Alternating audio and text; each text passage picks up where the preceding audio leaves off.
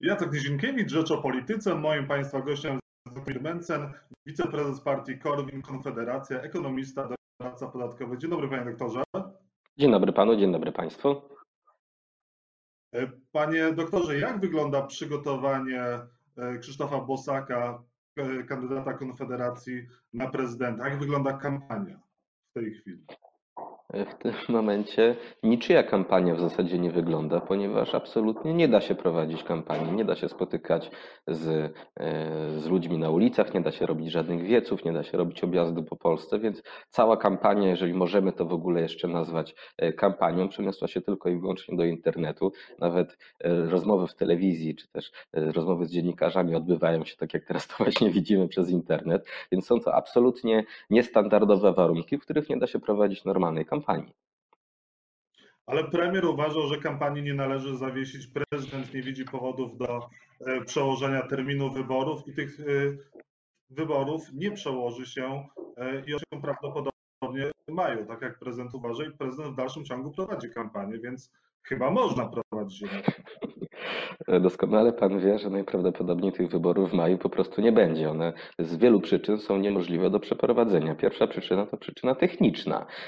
Do 26 marca wielu kandydatów powinno mieć czas na zebranie podpisów. W tym momencie nie da się zebrać podpisów, więc pierwsze pytanie jest takie, czy te wybory będą w ogóle legalne w sytuacji niedopuszczenia faktycznego do wyboru wszystkich kandydatów, którzy e, próbowali e, w tych wyborach wziąć udział. Po drugie, niedługo powinny zacząć się zebrania komisji obwodowych, chociażby wyborczych, powinny się rozpocząć szkolenia i tego się nie da przeprowadzić w obecnej sytuacji. Poza tym nie bardzo wyobrażam sobie, żeby do urny 10 maja poszło kilkanaście milionów Polaków i wywołało tym samym kolejne, kolejną rundę zarażeń, ponieważ nie ma możliwości, żeby do, do 10 maja ta epidemia całkowicie się skończyła. W Chinach taki okres, kiedy ludzie siedzieli w domach, trwał 2-2,5 miesiąca i teraz docierają do nas pierwsze informacje, że być może dochodzi znowu do wzrostu zachorowań. Więc naprawdę nie ma co liczyć na to, że w domach będziemy siedzieć jeszcze przez półtora tygodnia. Sądzę, że obecny stan utrzyma się znacznie dłużej i tych wyborów się po prostu 10 maja nie da przeprowadzić. Zresztą słyszałem ostatnio, że jest możliwość, że jeżeli zostanie zaledwie jeden kandydat na placu boju, to trzeba wybory ogłosić ponownie, w związku z czym tak naprawdę decyzja już w tej chwili nie należy tylko i wyłącznie do władzy, jeżeli pozostali kandydaci pójdą po rozum do głowy i solidarnie się z tych wyborów wycofają, no to ich po prostu w maju nie będzie. No ale w ciągu utrzymuje, wyłożył e, pogląd podobny do poglądu stawiają inni przedstawiciele partii, wszystkich partii opozycyjnych. Każda partia uważa, że to winny zostać przełożone. Dlaczego więc Sprawiedliwość, prezydent, premier upierają się przy 10 maja? Są tylko dwie możliwości. Pierwsza w ogóle nie widzą, co się dzieje na świecie. Jest to bardzo mało prawdopodobne. E, druga możliwość jest taka, że liczą na to, że obecna epidemia pomoże w zwycięstwie prezydentowi Andrzejowi Dudzie. E, wydaje im się w tym momencie, że obecnie wysokie notowania rządu e, utrzymają się co najmniej do maja. Moim zdaniem jest to wysoce wątpliwe, a sama gra jest bardzo ryzykowna. Jest zupełnie naturalne, co zresztą nauka dowiodła w ciągu ostatnich wielu lat, że jeżeli dochodzi do sytuacji zagrożenia, do wojny, epidemii, jakiejś klęski żywiołowej, to ludzie z jednej strony stają się bardziej konserwatywni, z drugiej strony lgną do władzy, mają nadzieję, że to władza ich ochroni. Znamy takie powiedzenie, że w okopach nie ma ateistów. Podobnie, jeżeli dochodzi do jakiejś epidemii, jakiejś pandemii czy wojny, to nagle różnego rodzaju progresywne pomysły stają się trochę mniej popularne, bo nikt nie ma w ogóle na takie rzeczy e, czasu ani ochoty o tym myśleć. W związku z czym władza myśli, że obecne nastroje się utrzymają. W mojej ocenie jest to wysoce wątpliwe ponieważ ta epidemia u nas dopiero się zaczyna. Do tej pory mamy zaledwie dwieście kilkadziesiąt osób zarażonych, o których wiemy, że są zakażone. Tych prawdziwie chorych jest znacznie więcej. Minister zdrowia mówił już, że niedługo liczba zarażonych dojdzie do tysiąca, potem będzie znacznie wyższa, podobnie jak ta liczba cały czas rosła w Hiszpanii czy też we Włoszech, więc nic nie wskazuje na to, że będzie lepiej niż jest teraz. Wszyscy doskonale wiemy, jak wygląda polski system ochrony zdrowia. On jest na skraju niewydolności w czasach pokoju, kiedy nic dziwnego się nie dzieje, więc jeżeli dojdzie do epidemii, jeżeli dojdzie do gwałtownego wzrostu zachorowań, a niestety najprawdopodobniej dojdzie, to ten system po prostu się załamie. Mamy bardzo mało lekarzy, już przed epidemią mieliśmy chyba najmniej lekarzy w całej Unii Europejskiej, jeżeli przeliczymy ich na tysiąc e, mieszkańców. Mamy bardzo mało respiratorów, bardzo mało łóżek, bardzo mało e, maseczek czy też fartuchów, rękawiczek ochronnych. Wszystkiego mamy bardzo mało, a epidemia jest dopiero przed nami. W związku z czym w ciągu następnych tygodni będziemy świadkami olbrzymiego załamania, wielkich problemów i sądzę, że może to też negatywnie odbić się na notowaniach prezydenta.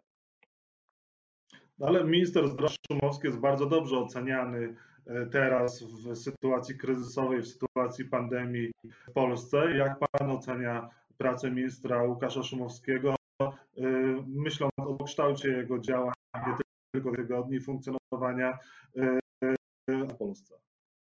Nie mam żadnych powodów, żeby krytycznie oceniać działania ministra zdrowia. Trzeba zwrócić uwagę na to, że w porównaniu do innych państw europejskich działamy bardzo szybko. Polska jako jeden z pierwszych państw zamknęło granice, zamknęło restauracje, kluby czy też sklepy, więc jesteśmy znacznie szybciej działamy niż Włosi, Francuzi, Brytyjczycy, Hiszpanie, Niemcy, niż praktycznie ktokolwiek w Europie, więc ciężko mieć teraz do niego o to pretensje, że nie zareagowaliśmy jeszcze wcześniej, bo wcześniej nikt nie zareagował. W sumie to jest ciekawe, że utrzymujemy ten sanepid, utrzymujemy epidemiologów i nikt nas wcześniej nie ostrzegł, jak poważna jest sytuacja. Jeżeli ktoś jest epidemiologiem, jeżeli mamy sanepid, mamy jakieś służby, to wydaje mi się, że co najmniej od stycznia te osoby powinny grzmieć na lewo i na prawo, że idzie epidemia i trzeba jak najszybciej reagować. Tymczasem wtedy nikt o tym nie myślał. No, normalni ludzie, politycy wiadomo, że o tym nie myśleli, bo się na tym nie znają, ale wydaje się, że powinniśmy mieć w kraju specjalistów, którzy już wtedy powinni nas ostrzegać. Niestety o żadnych takich ostrzeżeniach nie słyszałem, przynajmniej władza o nich nie słyszała. Obecnie bardzo mamy wszyscy nadzieję, że władza jak najlepiej sobie z epidemią poradzi. Należy wspierać ministra zdrowia. Z drugiej strony trzeba zauważyć, że e, minister zdrowia jest trochę instrumentalnie wykorzystywany przez e, pisowskie środki propagandowe, ponieważ e, ma takie worki pod oczami, które ma zawsze, już widać na starszych zdjęciach, a teraz próbuje się z tego zrobić argument, że on bardzo ciężko pracuje, czego nikt mu oczywiście nie odmawia e, i dlatego władza jest dobrze przygotowana do kryzysu. To jest działanie czysto wizerunkowe i pan, pan Szumowski jest, minister Szumowski jest wykorzystywany w ten sposób przez, przez propagandę naszej władzy. Nie mam kompetencji żeby krytycznie oceniać jego działania. Mam nadzieję, że robi to, co należy robić. Nie jestem epidemiologiem, to nie jest moja działka. Mhm. E, porozmawiamy w takim razie jeszcze o kampanii, również kampanii Krzysztofa Bosaka. Pan, jak powiedział, nie ma w tej chwili żadnej kampanii, ale pytanie, zebraliście podpisy kandydaturą Krzysztofa Bosaka? Oczywiście, że tak. Zebraliśmy, jeżeli dobrze pamiętam, dwieście kilkadziesiąt tysięcy podpisów i zdaje się dzisiaj będą one składane do PKW.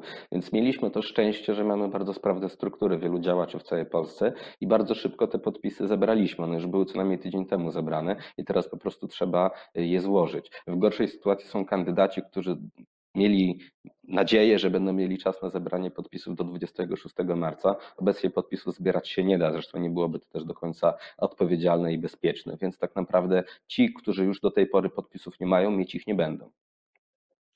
E, Szymon oficjalnie zawiesił swoją kampanię, czy Krzysztof Bosak również oficjalnie zawiesi kampanię?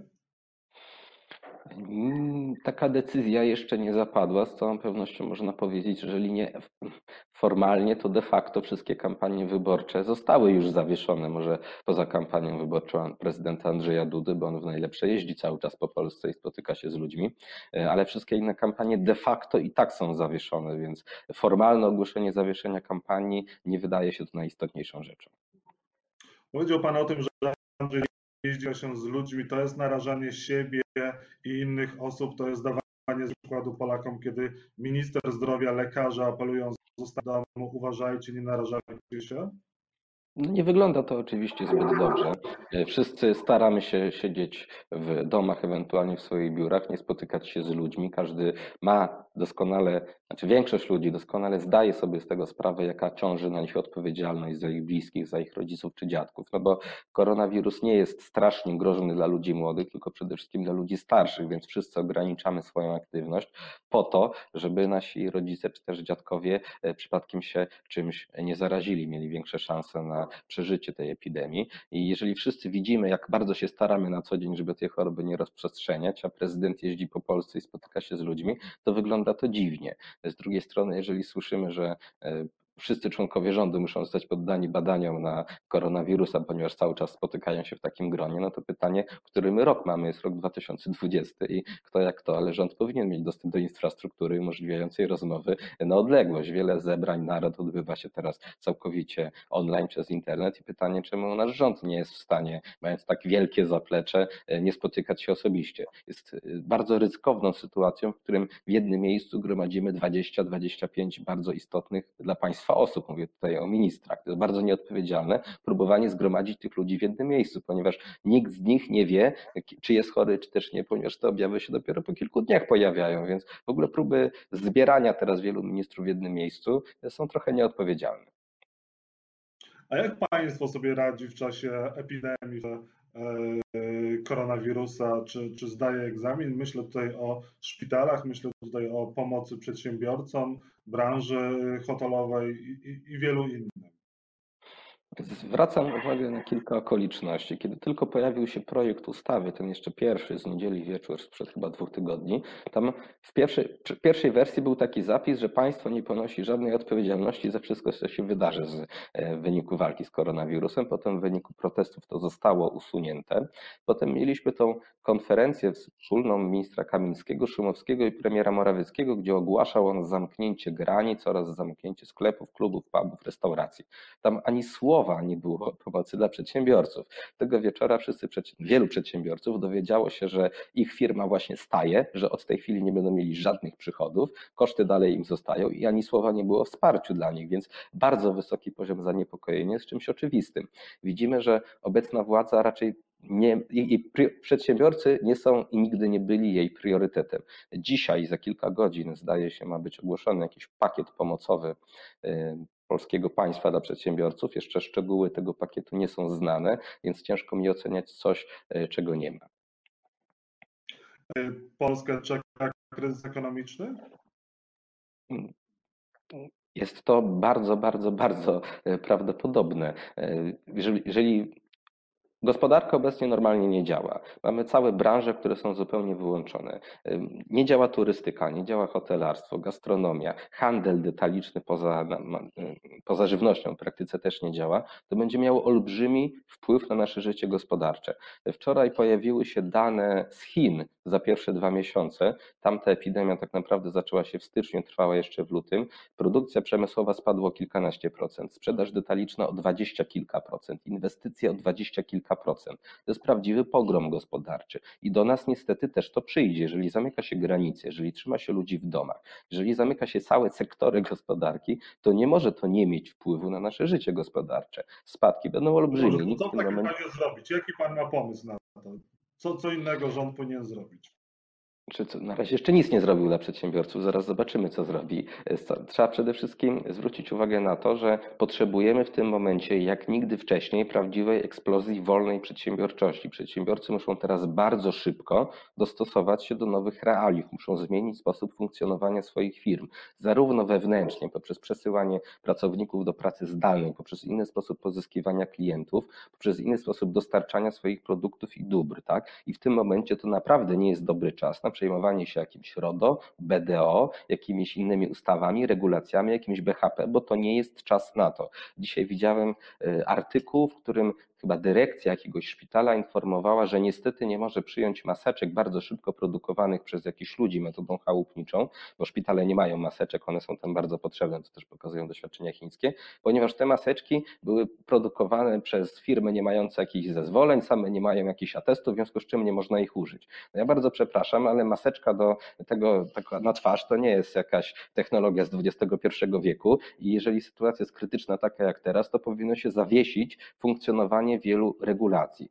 W specustawie zresztą mieliśmy zawieszenie chociażby prawa, prawa budowlanego czy prawa zamówień publicznych do walki z koronawirusem. Państwo od razu zauważyło, że jeżeli będzie chciało budować szybko szpitale i radzić sobie metodami nadzwyczajnymi z kryzysem, to wiele regulacji trzeba wyłączyć. I nie ma żadnego powodu, żeby tych i jeszcze wielu innych regulacji nie wyłączyć dla przedsiębiorców, bo oni też teraz muszą bardzo się dostosowywać do tego, żeby przeżyć. Bo ludzie mówią, że pomoc dla przedsiębiorców nie jest istotna, bo oni tyle zarabiają, więc sobie poradzą. Ale zwrócić trzeba uwagę, że tu nie chodzi o pomoc dla przedsiębiorców, tylko dla przedsiębiorstwa. To jest olbrzymia różnica, ponieważ przedsiębiorstwa to są miejsca pracy i przedsiębiorca oczywiście może w tej chwili wszystkich zwolnić, zamknąć swoją firmę, zamknąć restaurację czy sklep, ale pytanie, co zrobimy z pracownikami w, w gastronomii, w hotelarstwie, sprzedaży detalicznej pracuje wielu młodych ludzi. Są często ludzie na umowach zlecenia, którzy po prostu nie mają żadnych oszczędności. Jeżeli się przedsiębiorstwa zamkną, to oni zostaną na lodzie, nie będą mieli nad czego zapłacić sobie za mieszkanie.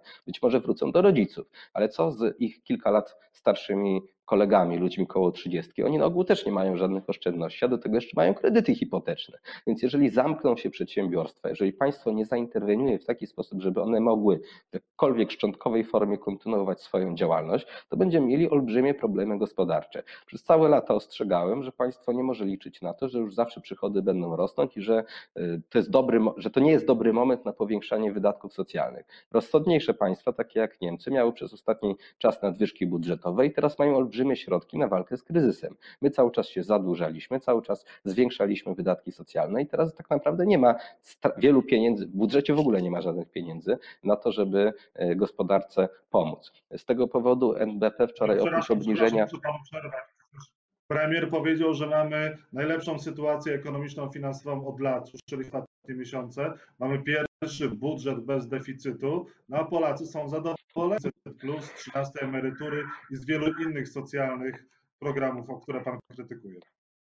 Panie redaktorze, Nikt, kto ma jakiekolwiek pojęcie o ekonomii, nie może uważać, że ten budżet kiedykolwiek był zrównoważony. On od samego początku nie był zrównoważony. To był tylko i wyłącznie trik księgowy, polegający na zaliczeniu dochodów jednorazowych, przesunięciu części wydatków na pozostałe fundusze, po to, żeby na papierze ten budżet się dopiął. Ale już po uchwaleniu tego budżetu uchwalono kolejne wydatki w rodzaju 13 emerytury, więc ten budżet nigdy nie był zrównoważony. Zresztą on zakładał, że nasze PKB wzrośnie o 3% z hakiem. Ja nie wiem, co będzie z naszym PKB za rok, nikt tak naprawdę tego nie wie. Zwracam jedynie uwagę, że co tydzień pojawiają się teraz nowe prognozy. Najpierw, że PKB wzrośnie nie o 3 z hakiem, tylko o 1,5%. Niektórzy wieszczyli, że to będzie może nawet poniżej 1%.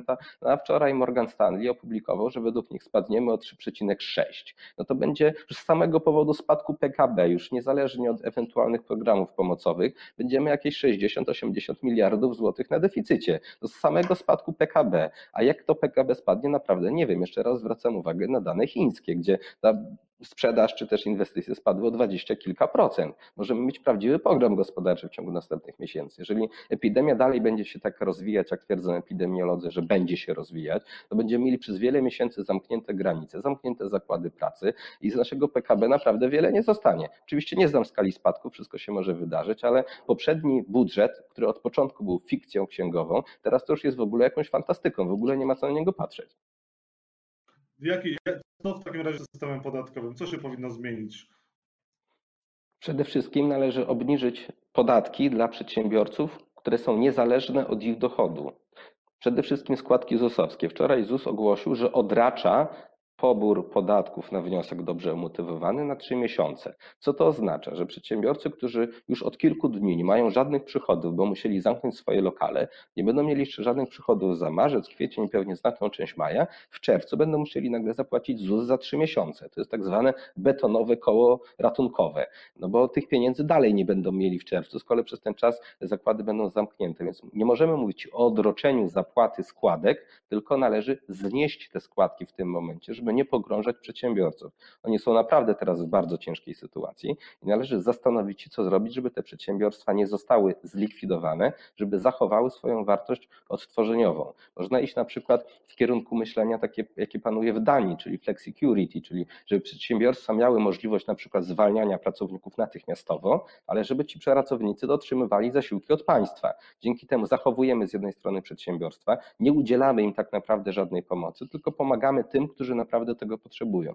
Należy pomyśleć, co zrobić, żeby nie zlikwidowało się więcej przedsiębiorstw, nic jest to naprawdę konieczne. Zwracam uwagę, że mniej więcej teraz będzie pobierany podatek rolny i podatek gruntowy, to znaczy, że po wsiach będą chodzić urzędnicy i pobierać podatek. Pytanie, czy to w ogóle jest bezpieczne epidemiologicznie. To jest kolejny podatek, który nie zależy od dochodów i należy go zawiesić jego pobór, czyli zawieśmy pobór wszystkich podatków, które nie zależą od dochodu, które są zbyt dużym w tym momencie obciążeniem dla przedsiębiorstw. Następnie należy zawiesić składanie terminy, składanie sprawozdań finansowych, y, terminy deklaracji VAT-owskiej czy też deklaracji podatkowych. W wielu biurach rachunkowych teraz pracownicy również nie przychodzą, są objęci kwarantanną albo siedzą w domu i przedsiębiorcy nie są w stanie w terminie złożyć deklaracji podatkowych czy też sporządzić e, sprawozdań finansowych. Zwracam też uwagę, że od 1 lipca e, sklepy chyba i gastronomia miały przejść na kasę online. To jest ponad 1000 zł od jednej kasy. W tym momencie to jest naprawdę kolejny zbędny wydatek. To jest kolejna reforma, którą należy odłożyć w czasie. Więc przede wszystkim władza w tym momencie powinna się skupić skupić na tym, żeby przedsiębiorcom nie przeszkadzać,